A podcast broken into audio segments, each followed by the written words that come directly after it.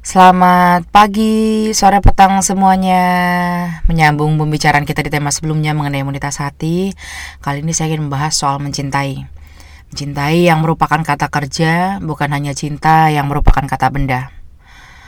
Hmm, momen ini tepat dengan sedang hebohnya wawancara seseorang yang terkenal yang berkata bahwa dia tidak percaya cinta, bahwa dia lebih memilih ditakuti daripada dicintai. Yang menurut saya ironis, sebagai seseorang yang mengalami hal yang mirip dengan figur tersebut, saya memiliki pandangan yang sama sekali berkebalikan. Padahal situasi kami mirip. Orang tua konservatif dengan struktur hubungan yang sama. Satu yang harus saya tekankan di sini adalah macam cinta yang akan saya bahas adalah cinta agape yang bisa diaplikasikan ke berbagai macam hubungan. Orang tua anak, manusia hewan, pasangan, saudara, teman-teman. Dalam mencintai, ada dua poin dari sudut pandang saya. Pertama, menurut hemat saya, cinta bukan untuk diragukan, tapi untuk dilakukan. Meragukan cinta itu menurut saya pointless sekali, percuma. Tidak percayakan cinta itu laiknya berargumentasi bahwa dunia itu datar. Karena cinta itu ada dan luas, bentuknya bermacam-macam dalam berbagai segi kehidupan, Betul, tidak bisa dilihat, tetapi sama seperti saya yang sekarang tidak bisa melihat secara langsung dari ISS atau luar angkasa bahwa bumi itu benar bulat. Tetapi sepandangan mata saya sekarang yang hanya bisa menjejakkan kaki di bumi, sudah terbukti bahwa bumi itu bulat. Begitu pula dengan cinta. Banyak serpihan bukti-bukti cinta di depan mata dan bahkan di dalam hati kita yang paling dalam, saya yakin kita sebenarnya percaya, kita merasakan bahwa cinta itu ada meskipun dalam bentuk dan ukuran yang berbeda-beda. Hanya orang-orang yang sebenarnya kesepian sajalah yang takut untuk percaya bahwa cinta itu ada.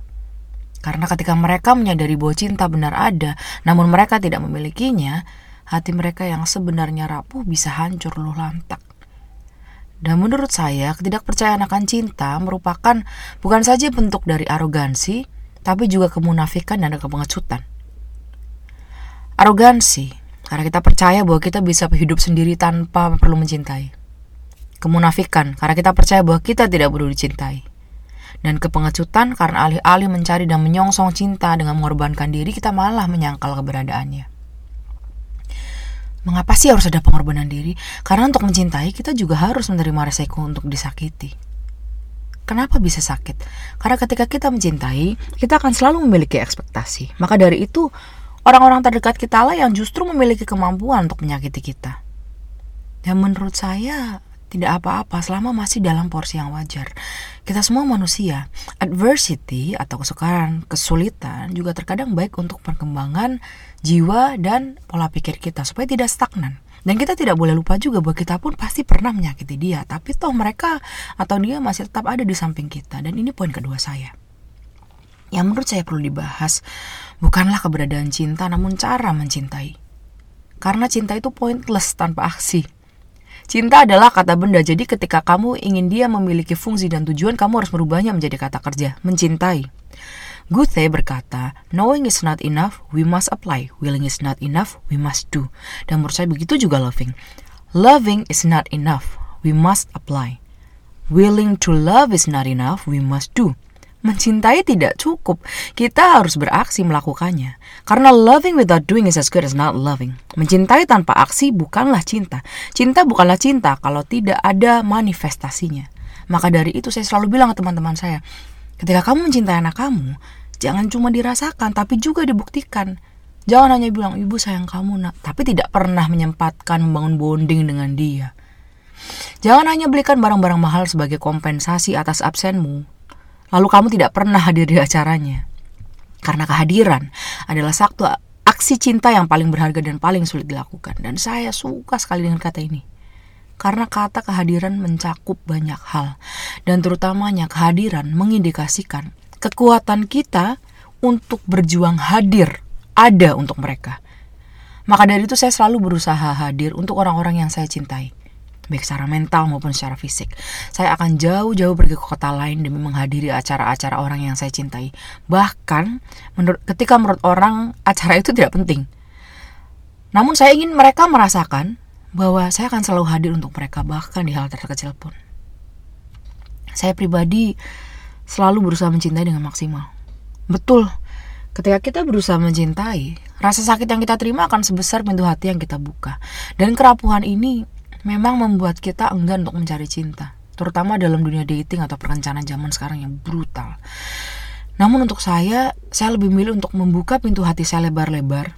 Meskipun saya tahu ada resiko disakiti begitu besar, namun saya rela mengambil resiko yang amat besar ini meski dia hanya dapat menghasilkan kemungkinan terkecil demi welcoming atau menyambut cinta yang sama besarnya pula. Dari dulu, prinsip saya selalu, ketika saya mulai sebuah cinta, saya harus mulai dengan hati yang baru. Saya tidak mau sisa-sisa rasa sakit, kepedihan, kepahitan dari cinta yang lalu diluted atau mengotori cinta yang sekarang ini. Karena yang sekarang malah bisa jadi cinta sejati saya dan malah karena cinta yang baru ini bisa jadi cinta sejati saya, saya justru harus memberikan hati yang baru dan yang paling baik pula. Karena saya tidak mau dia menanggung dosa dan beban-beban orang-orang di masa lampau saya. Tentu ini perkara bahasan cinta pasangan, namun menurut saya ini juga berlaku untuk semua bentuk cinta. Karena seperti ini, di dalam pencarian cinta, tidak adil apabila kita yang berhati-hati dalam mencintai, namun menuntut calon pasangan kita untuk all out secara penuh mencintai kita tanpa tendensi tanpa akal padahal kita sendiri tidak mau seperti itu karena kita takut untuk disakiti kita ingin berhati-hati karena takut disakiti tapi kita lupa. Kita juga bisa menyakiti dia. Adilkah ini? Tidak adil bila kita ingin ada orang lain mencintai kita sepenuhnya dan berapi-api. Namun kita sendiri hanya secara kikir mencintai dia.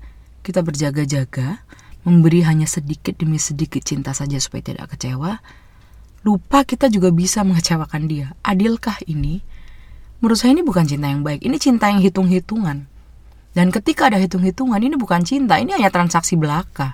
Kamu punya apa, saya punya apa, kita tuker-tukeran. Dari, karena dari awal kamu sudah menghitung, oh saya cuma mau kasih segini, saya mau lihat kamu kasihnya seberapa nih. Wajar, manusia pasti memilih yang terbaik untuk dirinya sendiri. Namun di sinilah yang membedakan cinta yang sejati dan cinta yang transaksi. Karena cinta yang sejati selalu ingin memberi titik murni, tulus, tanpa perlu respon, tanpa perlu apa pun. Cinta sejati selalu satu arah. Tentu sebagai manusia, kita tidak terhindarkan akan merasa lelah untuk memberi tanpa ada yang membalas. Eh, kita kasih terus, kenapa nggak ada yang kasih kita ya? Tetapi ini bukan berarti kita tidak pernah mencintai. Bukan berarti sepanjang kita bersama mereka, kita tidak pernah memberikan cinta sejati. Mungkin pada saat itu kita hanya ingin beristirahat sejenak dan ganti ingin dicintai. Wajar, karena untuk memberikan cinta sejati butuh energi yang besar, maka wajar bagi kita untuk kadang merasa lelah. Lalu bagaimana dengan self love? Aku mencintai kok, mencintai diri sendiri, cukup kan? Menurut saya sih tidak cukup, paling tidak sesuai dengan pengalaman saya. Karena saya dulu seperti itu, arogan. Saya selalu berpikir, ah saya bisa hidup sendiri.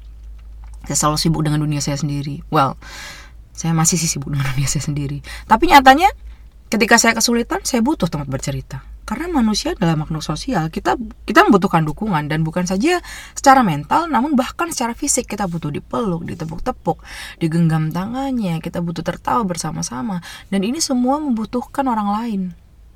Namun apabila kita terlalu bangga untuk mengakui ini bahwa kita membutuhkan cinta, suatu saat akan terlalu terlambat bagi kita untuk mendapatkannya. Karena kamu sudah terlanjur mendorong semua orang yang baik yang masih mau bertahan di sekitar kamu bahkan ketika kamu tidak percaya cinta untuk keluar dari kehidupan kamu. Saya memahami orang-orang yang takut akan cinta. Namun menurut saya, sebelum mereka berani untuk disakiti, mereka juga belum berhak untuk dicintai. Sekian kata hari ini sampai ketemu di tema berikutnya.